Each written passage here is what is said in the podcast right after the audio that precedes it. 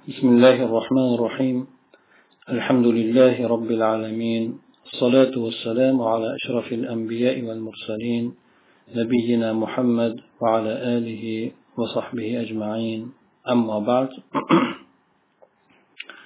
fiqh aqalliyat kitobidan qilayotgan darslarimizda o'tgan safargi darsimizda ahli kitoblarga uylanishlik borasidagi masalani ko'rib chiqqan edik bugun esa inshaalloh ikkinchi matlab ekan hop yana o'sha nikohni davomi bu mavzuyimizni unvoni esa حكم النكاح المؤقت نية دون إظهاره hop ya'ni vaqtinchalik nikoh qilishlik niyatda vaqtinchalik deb qiladi lekin buni oshkor aytmaydi ha Oshkor aytmasdan maqsadi vaqtinchalik uylanishlik bo'ladi. Mana shunday bo'lgan nikohni hukmi nima degan mavzu ekan. Bu turni surat shundayki bir odam o'zini diyoridan g'arib bo'lgan ya'ni boshqa bir joyga safar qilib ketgan. Bu odam o'sha diyorda uzoq muddat turishlikni niyat qilmaydi. Masalan bir oy ikki oy uch to'rt oyga boradi masalan. Mana shu paytni o'zida bu odam o'z nafsida jinsiy bo'lgan qiziqtiruvchi bo'lgan narsalardan qo'rqadi. Ya'ni muhitda qattiq ta'sir qilishligidan o'z nafsidan qo'rqadi. Muddatda niyat qilib bir muddatda niyat qilib bir ayolga uylanadi. Lekin bu niyatini o'sha ayolga ochiq aytmaydi. Hmm, masalan bir oy turadi ikki oy turadi o'sha muddat uchun uylanadi. Lekin bu niyatini u ayolga oshkor aytmaydi. Bu nikohni hukmi nima degan savol endi. Imom muvatta imom molikni muvatta kitoblarini sharhlarida ya'ni zo'rqoniy sharhlagan ekan. Bunda kelar ekanki olimlar ijmo qilishganki kim bir ayolga mutlaq suratda uylangan bo'lsa ya'ni indamasdan uylangan uni niyati u bilan esa bir muddat niyat qilgan muddati davomida turishligi bo'lgan bo'lsa bu joizdir nikohi muta deyilmaydi deb aytishgan ekan. Ya'ni nikoh mutani farqi inson o'sha muddatini ham kelishib turib bir haftaga ham o'n kungami muddatini ham kelishib turib nikoh qiladi. O'shanga rozi bo'ladi ikkala tomon ham lekin e, bu nikohni farqi esa bunda o'zi haligi odam ichida niyatini saqlaydiyu lekin bu narsani oshkor aytmaydi. Mana shu tomonidan nikoh mutadan farq qiladi deb aytishgan ekan. Imom avzoiy esa boshqacha bir fikrda bu kishi bu narsa baribir muta nikohi hisoblanadi bunda yaxshilik yo'q deb aytgan ekanlar. Buni qozi iyos ham ayni shu gapni aytgan ekanlar. Mug'niy kitobida keladiki agar musulmon odam bir ayolga shart qilmasdan uylanadigan bo'lsa ya'ni uni niyatida bir oydan keyin taloq qilishlik bo'lib turib lekin bu narsani bir oydan keyin sizni qo'yib yuboraman degan shartni qo'ymasdan bir oy yashaymiz xolos degan narsani aytmasdan uylanadigan bo'lsa yoki bo'lmasa o'sha shaharda hojati tugagan paytida qo'yib yuborishlikni ya'ni qo'yib yuborib ketishlikni niyatida qilgan bo'lsa lekin buni ochiq shart qilib aytmagan bo'lsa bu ahli ilmlarni ommasini so'zida bu nikoh sahiydir. Buni zarari yo'q uni niyati esa zarar qilmaydi deb e, kelgan ekan. Hop bu narsani esa ya'ni bunday qilib nikoh qilishlikni makruh deb imom molik molikiy mazhabidan shofiy mazhabidan aytilgan ekan. Imom molik esa aytgan ekanlarki bu yaxshilikdan emas bu odamlarni ya'ni musulmonlarni axloqidan emas bunday qilishlik degan so'zni aytgan ekanlar. Bu muallif aytadiki men aytdimki bu yerda bunday karohiyatni ya'ni mana shu aqddan kelib chiqadigan ayol kishini aldashlik mana shu narsa ham buni karomakur haykalligini ta'kidlaydi. Ya'ni ayolni bunda aldanadi. Bu ayol esa sodda demak o'sha erkakni niyatini bilmaydi. Yoki uni aldayotganligini bilmaydi. Payg'ambar sallallohu alayhi vasallam esa aytadilarki man kim aldasa u bizdan mendan emas deb. Sufyon ibn uyayni esa bu hadisni tafsirini kerak ko'radilar ya'ni tafsir qilishlikni kerak ko'radi degani bu manonasida aytilgan manonasi kiradi degan gapni aytishlikni kerak ko'radi buni sharhlab berishlikni bu aldashlikka mano kiradi mano kiradi deb aytishlikni kerak ko'radilar aytadilarki biz buni tavil qilishlikdan ya'ni tafsir qilishlikdan tiyilamiz. Toinki nafslarga yana ham ta'sirliroq zajrda man qilishlikda ya'ni yechukroq bo'lishligi uchun.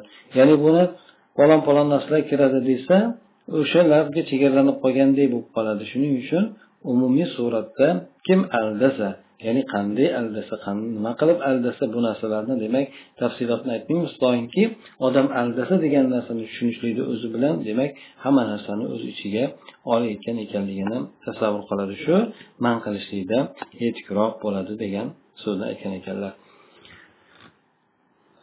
Yana muallif aytadiki bunday bo'lgan amalni bironta odam o'zini qizlari uchun opa singillari uchun yoki bo'lmasa yaqinlari uchun rozi bo'ladimi shunday?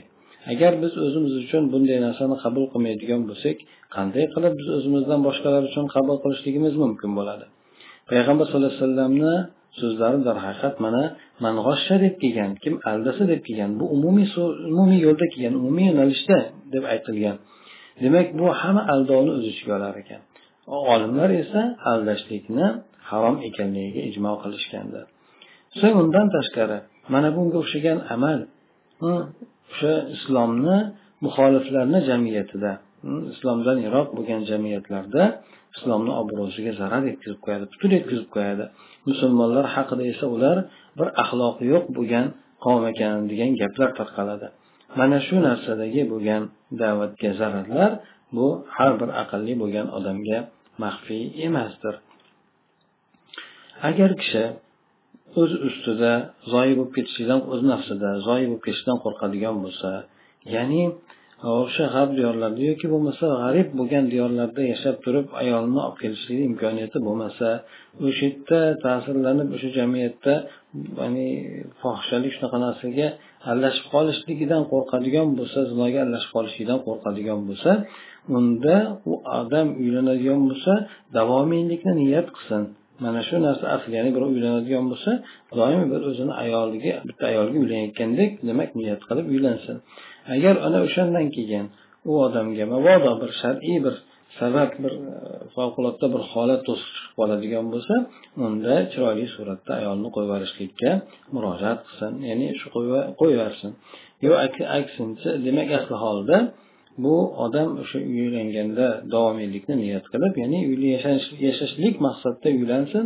Mabodo bir shar'iy bir to'siq bir chiqib qoladigan bo'lsa bir holat shunday taqozo qilib qoladigan bo'lsa unda ayolni qo'ysa bo'ladi. Lekin boshidan turib turib niyatda shunday qilib olishlikda bu narsada aldashlik surati bo'ladi deb aytgan ekan.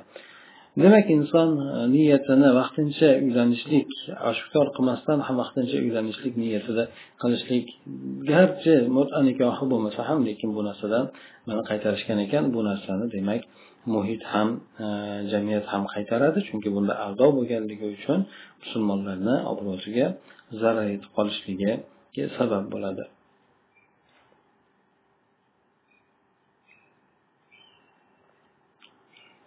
Ana undan keyin ah, oltinchi mabhas ekan bu odatlar hamda kundalik hayot borasidagi mavzu. Inson o'zini tabiati bilan madaniy sanaladi. Hm? O'zini tabiati bilan madaniy ya'ni boshqalarga aralashib yashaydi yovvoyi emas. O'zini fitrati bilan esa bir majmuani o'zi bir ular bilan bir muomala qiladigan bir jamoani ichida yashashlikka demak intiladi. Mana shundan demak turli bir ijtimoiy bo'lgan turimlar kelib chiqadi endi. Turli bir insonga ijtimoiy bir holatlar ro'para bo'ladi. Islomiy shariat hayotni hamma sohalarini o'z ichiga olgan bo'lgach demak yana bu sohada ham demak boshqalar bilan muomala qilishlik sohasida ham qonunlardan bir qancha bir majmuasini o'z ichiga oladi. Toinki musulmon odam o'zini harakatini o'sha qonun qoidalarga moslashtirishligi hamda yurish turishligini o'sha qoidalarga qarab turib tartibga solishligi mana shunda mumkin bo'ladi. Musulmon odam o'zgalar bilan aqidasiga qarab turib o'zini qadri qimmatlariga hamda dinidan olgan tasavvurotlariga qarab turib muomala qiladi. Musulmon odamni undaydigan yoki unda bo'lishligi kerak bo'ladigan oliy qadr qimmatlari yuksak axloqlari islohiy fikri mana shu narsa boshqalarni yurishtirishlariga boshqalarni tasavvurotlariga ogoh beruvchi bo'ladi endi. Ya'ni albatta bir tomondan demak musulmon odamga boshqalarni ko'zi tikiladigan bo'lsa ikkinchi tomondan o'sha musulmon odamni o'z axloqlari boshqa narsalari boshqa odamlardagi bo'lgan narsalarga kirishib ketishlik bu narsalarni ha ba'zilarni noto'g'ri bo'lgan narsalarni qabul qilishlik mana shu narsalardan ogohlantirib turuvchi bo'ladi endi. Bu narsaga albatta u odamlarni turumlaridagi bo'lgan ta'sir yoki bo'lmasa ular tomonidan ijobat qilishlikni sodir bo'lishligi mana shu narsalar bu narsadan kelib chiqadi endi. Ya'ni odamlarga mavqiflariga turumlariga qanday ta'sir bo'lishligi yoki ularni ta'sir ta'sir qilishligi yoki bo'lmasa ulardan narsalarni qabul qilishlik shu narsalar demak bundan kelib chiqadi endi. Xosatan bu o'zini shariatlarni qonun qoidalarini ma'sum bo'lgan usmon vahiysidan olmaydigan jamiyatlarda yashagan paytida ya'ni islomdan yiroq bo'lgan butun g'oyri islomiy bo'lgan jamiyatlarda yashaydigan paytida. Balki e, demak mana shunday narsalar demak insonlarni e, yurish turishlari turmush tarzlari demak insonga ta'sir qilishligiga e, insondagi bo'lib turgan qadr qimmatlari axloq aqidalari bu narsalar demak ogoh etib turar ekan. Hop bal demak bu bu jamiyatlar o'zlarini qonun qoidalarini osmonni ma'sum bo'lgan vahiysidan emas balki insonlarni ishtihodotlaridan oladiki. Bu ishtihodotlar insonlarni ishtihodotlari bir ziddiyatlardan iztirobdan sarosmalikdan yoki bo'lmasa yuzaki bir nazar solishlikdan xoli bo'lmaydi endi. Biz mana bu muhim bo'lgan mazhab mabhasda o'sha ba'zi muhim bo'lgan masalalarga chegaralandik. Ha mana shu ga bino mana shunga ko'ra hop bu masalalarimiz bir far'iy shaklda yoki savollar shaklida keladi. Ya'ni asl asos shaklida emas balki e, shu far'iy masalalar ya'ni qo'shimcha qo'shimcha masalalar yoki kichkina masalalar suratida e, savol suratida bu e, nimalarimiz masalalarimiz keladi deydi. Birinchi bo'lim. Birinchi bo'limda endi mushriklarga aloqa qilishlik hukmi qarindosh urug'chilik aloqalarini qilishlikni hukmi. Bu boradagi asl esa alloh subhanaa taoloni ushbu so'zi ekan.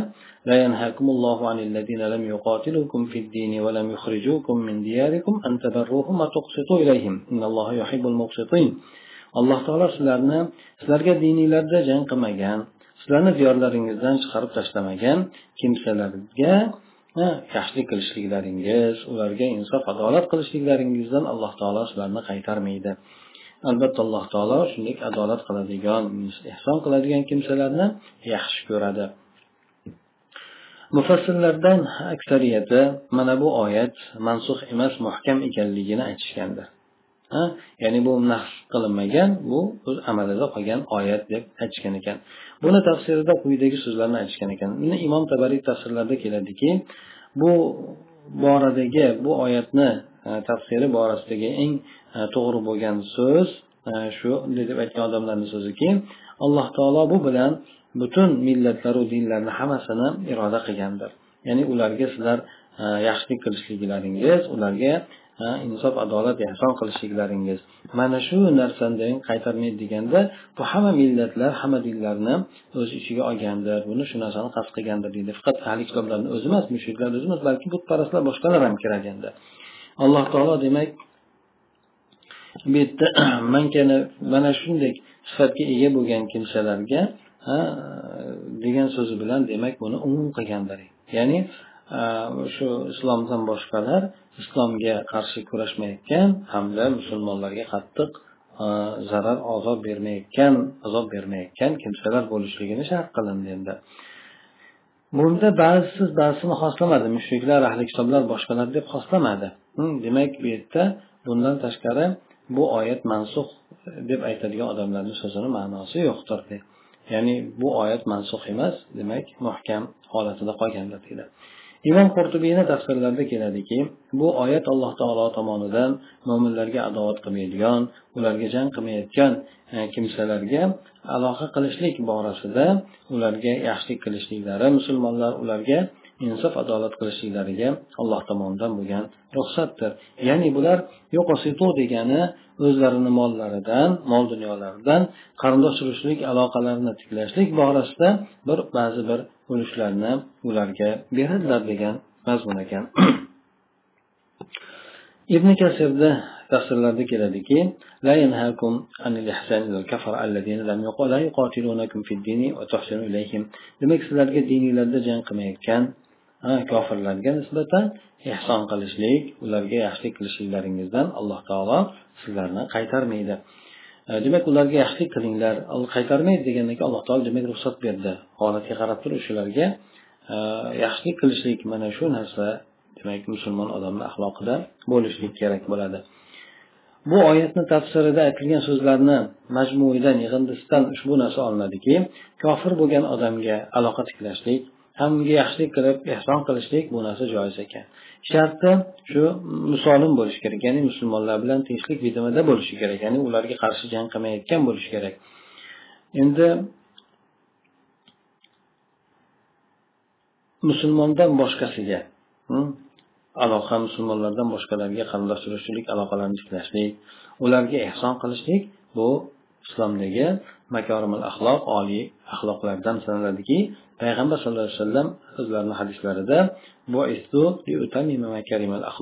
ya'ni oliy axloqlarni tamomiga yetkazishlik uchun payg'ambar qilib yuborildim deganlar. Ya'ni insonlarni o'rtasida qanday bir go'zal axloqlar bo'lsa o'sha axloqlarni yana ham mukammal suratga kiritishlik meni payg'ambarlik vazifamni ichiga kirgandir degan mazmunda aytganlar.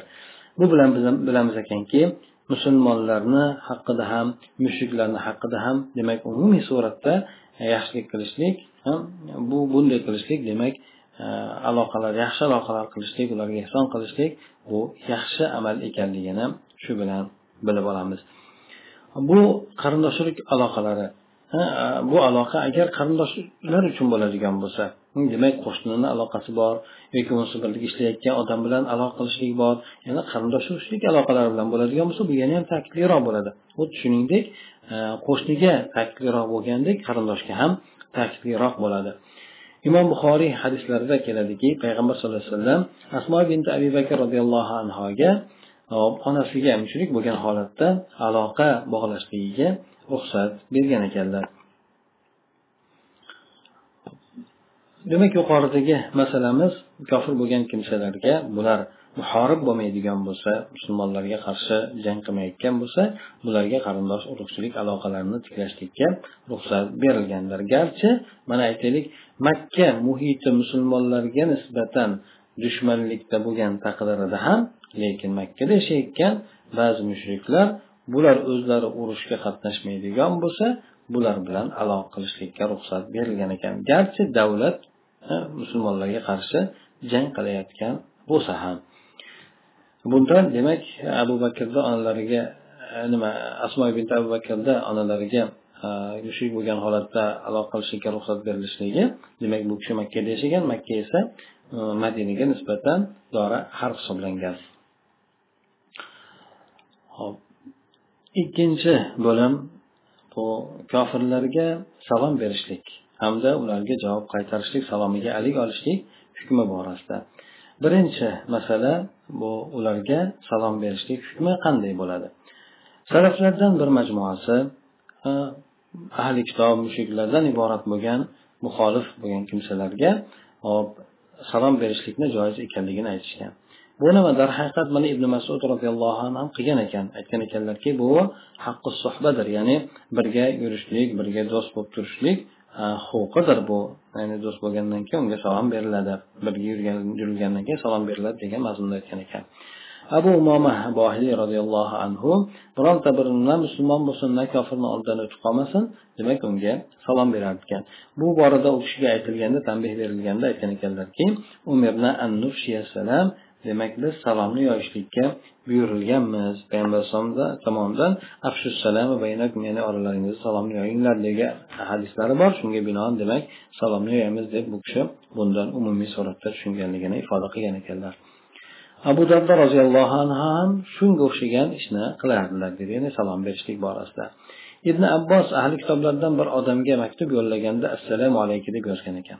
Umar ibn abdulaziz rahimalloh ham aytadilarki biz ularga salom bilan boshlashligimizni zarari yo'q deb aytar ekan demak bu bir majmua olimlarni fikri. Ikkinchi majmua olimlar esa e, kofirlarga salom berishlikni mutlaq suratda man qilishlikka e, borishgan ekan. Bular bu bilan payg'ambar alayhisalom ushbu hadislarni dalil qilib keltirishgan ekan.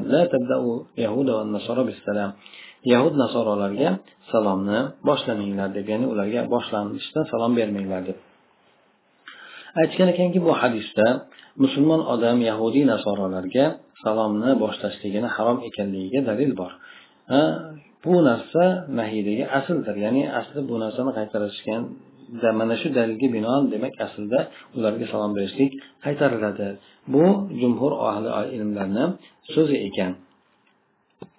Ibn hajar aytgan ekanlarki bu so'zlarni ichida eng kuchlirog'i bu hadis dalolat qilganini o'zi bo'ladi.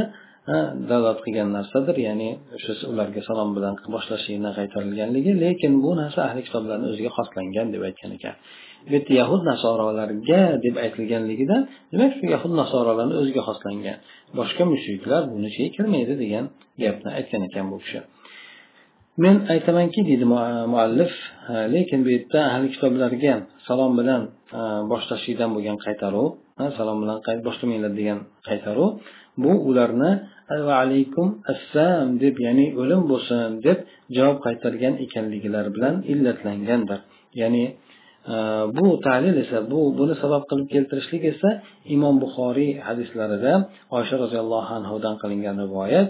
Bunda yahudlardan bir jamoasi payg'ambar sallallohu alayhi vasallamga kirishganda aytishganki assalomu alayka degan ya'ni sizga o'lim bo'lsin degan mazmunda aytishgan. Mana shu yerdan payg'ambar sallallohu alayhi vasallam ularni anglab turib aytganki agar sizlarga ahli kitoblar salom beradigan bo'lsa ularga va alaykum deb qo'yinglar degan. Boshqa bir rivoyatda esa agar sizlarga assalomu alayka deb aytadigan bo'lsa ya'ni assalom emas balki assam o'lim bo'lsin deb aytadigan bo'lsa unda sizlar va alaykum deb aytib qo'yinglar degan mazmunda aytilgan ekan. Mana shunga binoan agar ahli kitoblar o'zlarini haligi olishlik uslublarini hamda o'zlarini hobis bo'lgan lafzlarini o'zgartirishadigan bo'lsa ya'ni o'lim deb emas rostmona salom deb aytishadigan bo'lsa unda ularga salom berishlikdan monelik yo'qdir. Chunki hukm o'zini illati bilan birga bo'ladi. Bo'lsa ham illat o'sha illati bo'lsa hukm topiladi illat bo'lmasa hukm topilmaydi. Ya'ni assam deb yomon lafzlar bilan aytadigan bo'lsa bu yerda hukm demak ularga javob boshlama e, javob qaytarmaslik va alaykum assalom deb turib va alaykum assalom va alaykum deb o'zini aytib qo'yishlik. Agar bu narsa bo'lmasdan aniq suratda bilinadigan bo'lsa unda bu qaytaruv uni ostiga kirmaydi deb e, aytar ekan. Payg'ambar sollallohu alayhi vasallam mana shu narsadan qaytargan hattoki biz ularga salom berishlik muqobilida o'lim bilan bizni haqqimizga duoibat qilishlikka yo'liqib qolmasligimiz uchun payg'ambar alayhisalom bizni bundan qaytargan. Ya'ni biz ularga salom bersakda ulardan o'limni bizga tilashligini oladigan bo'lsak mana shu jihatdan payg'ambar alayhisalom bizni qaytargan ularga salom berishlik. Agar mana shu narsa yo'q bo'ladigan bo'lsa ya'ni bu yerda mana shu narsa sodir bo'lmasa ya'ni salomni muqobilida salom olinadigan bo'lsa bu yerda man qilishlikni hech qanaqangi bir ko'rinishini bilmayman suratini bilmayman deb muallif aytadi.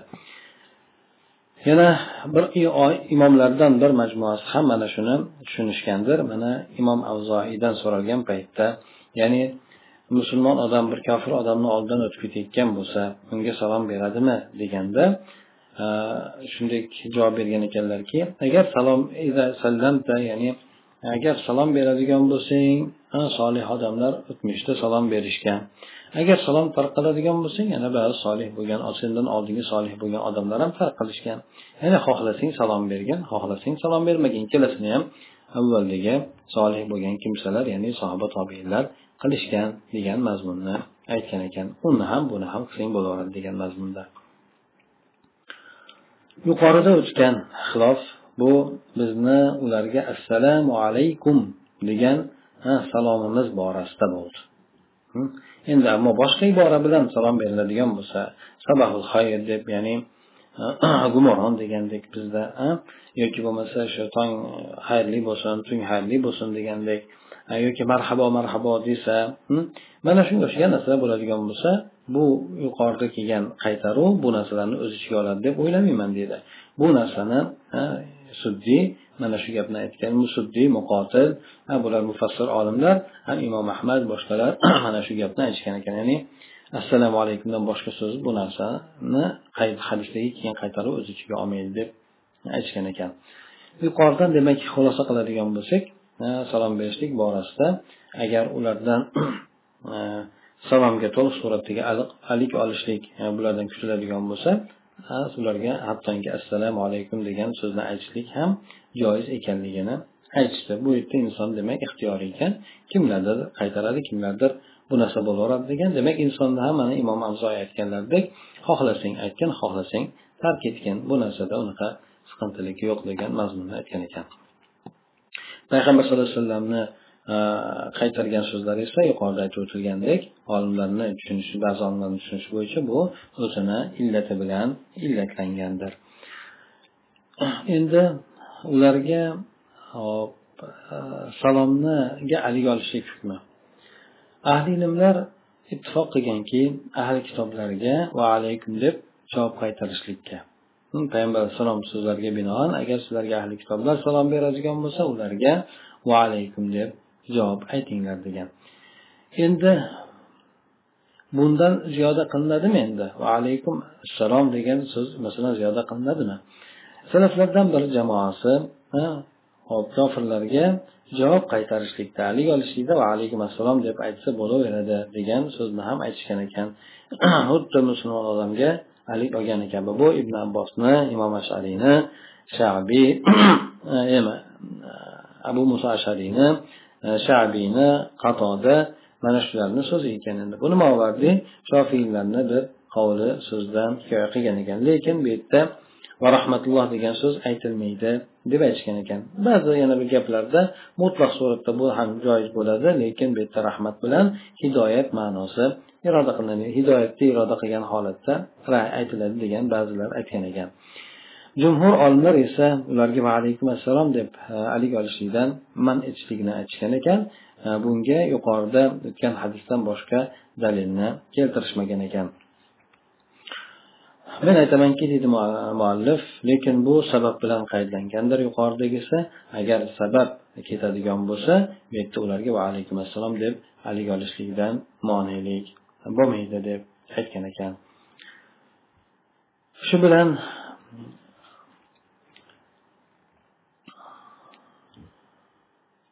bu ularni salomiga haligi olishlikka yaraydigan bir siyg'ada uslubda to'liq suratda javob qaytarishlikni farz ekanligini aytuvchilarni gapi kuchliroq ko'rinadi deydi. Ibn qayim ham shunga o'xshagan mazmunda aytgan ekanlarki agar u ahli kitoblardan kofirlardan eshitayotgan odam kofir bo'lgan odamga assalomu alaykum degan so'zni aytayotganligini aniq biladigan bo'lsa shar'iy dalillar hamda shariat qoidalari taqozo etadigan narsa shuki unga ham va alaykum assalom deb aytilishligidir bu narsa adolat ehson bobidan bo'ladi. Adolat ya'ni uni aytganiga javobiga yarasha javob qaytarib qo'yishlik ehson esa unga yaxshiroq bir suratda javob qaytarishlik shu bobidan bo'ladi. Darhaqiqat alloh taolo aytadiki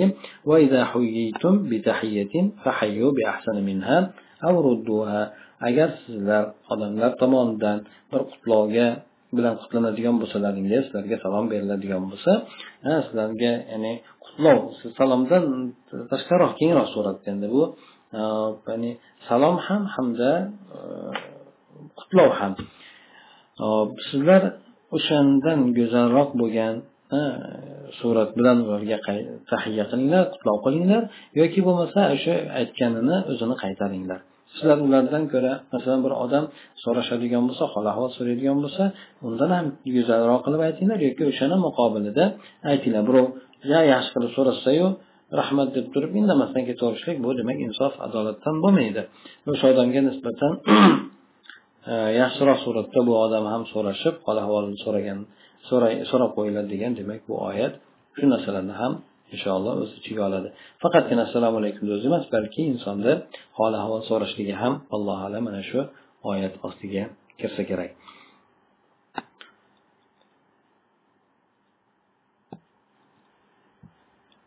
Endi bu ahli kitoblarga turishlik borasida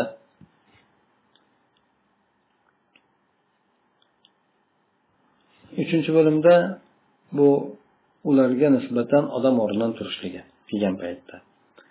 Olimlardan bir majmuasi kofirlar uchun hmm, turishlikni joiz ekanligini aytishgan ekan.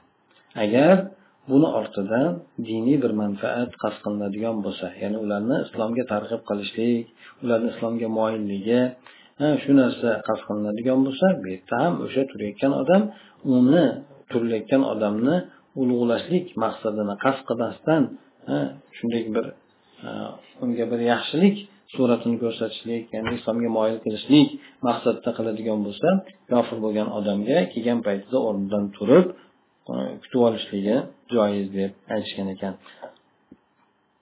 Bulardan olimlardan ba'zilari manfaat bo'lmasa ham joiz deb aytishgan ekan. Bu yaxshilik ehson bobidan bo'ladi. Ha bu narsadan esa kofirlarga bunday ehson qilishlikdan biz qaytarilmaganmiz deydi ammo endi kofir odamga dinini maqsadida unda bo'lib turgan kufrni maqsadida shuni hurmatlab turishga keladigan bo'lsa bu bil ittifoq haromdir. Ammo endi bu urf bo'lsa hamda muomalati bil misl bo'lsa ya'ni siz borganingizda u turib kutib oladigan bo'lsa u kelganda siz turib kutib oladigan bo'lsangiz bu yana o'sha shahardagi odamlarni bir biriga ko'rishlik odobi yoki urfi bo'ladigan bo'lsa bu narsani zarari yo'q deb aytgan ekan. Buni e, taqdiri esa o'sha belgilashlik musulmon odamni o'sha muxoliflarni diyorida yashayotgan musulmon odamni o'ziga qaytadi. Bu o'sha jamiyatni odatlarini o'zi biluvchiroq yaxshi anglab yetuvchiroqdir deydi. Demak bugungi e, darsimizga mana shu yuqorida aytib o'tilgan narsalar bilan kifoyalanamiz. Demak e, bu kundalik hayotimizda bu yurtlarda bo'ladigan muomalalar ularga salom berishlik mumkinmi haligi olishlik mumkinmi yoki ularga e, turishlik shu masalalarni demak o'z ichiga olgan ekan bu boradagi olimlarni mana fikrlari bilan tanishib chiqdik سبحانك اللهم وبحمدك نشهد أن لا إله إلا أنت نستغفرك ونتوب إليك اللهم انفعنا بما علمتنا وعلمنا ما ينفعنا وزدنا علما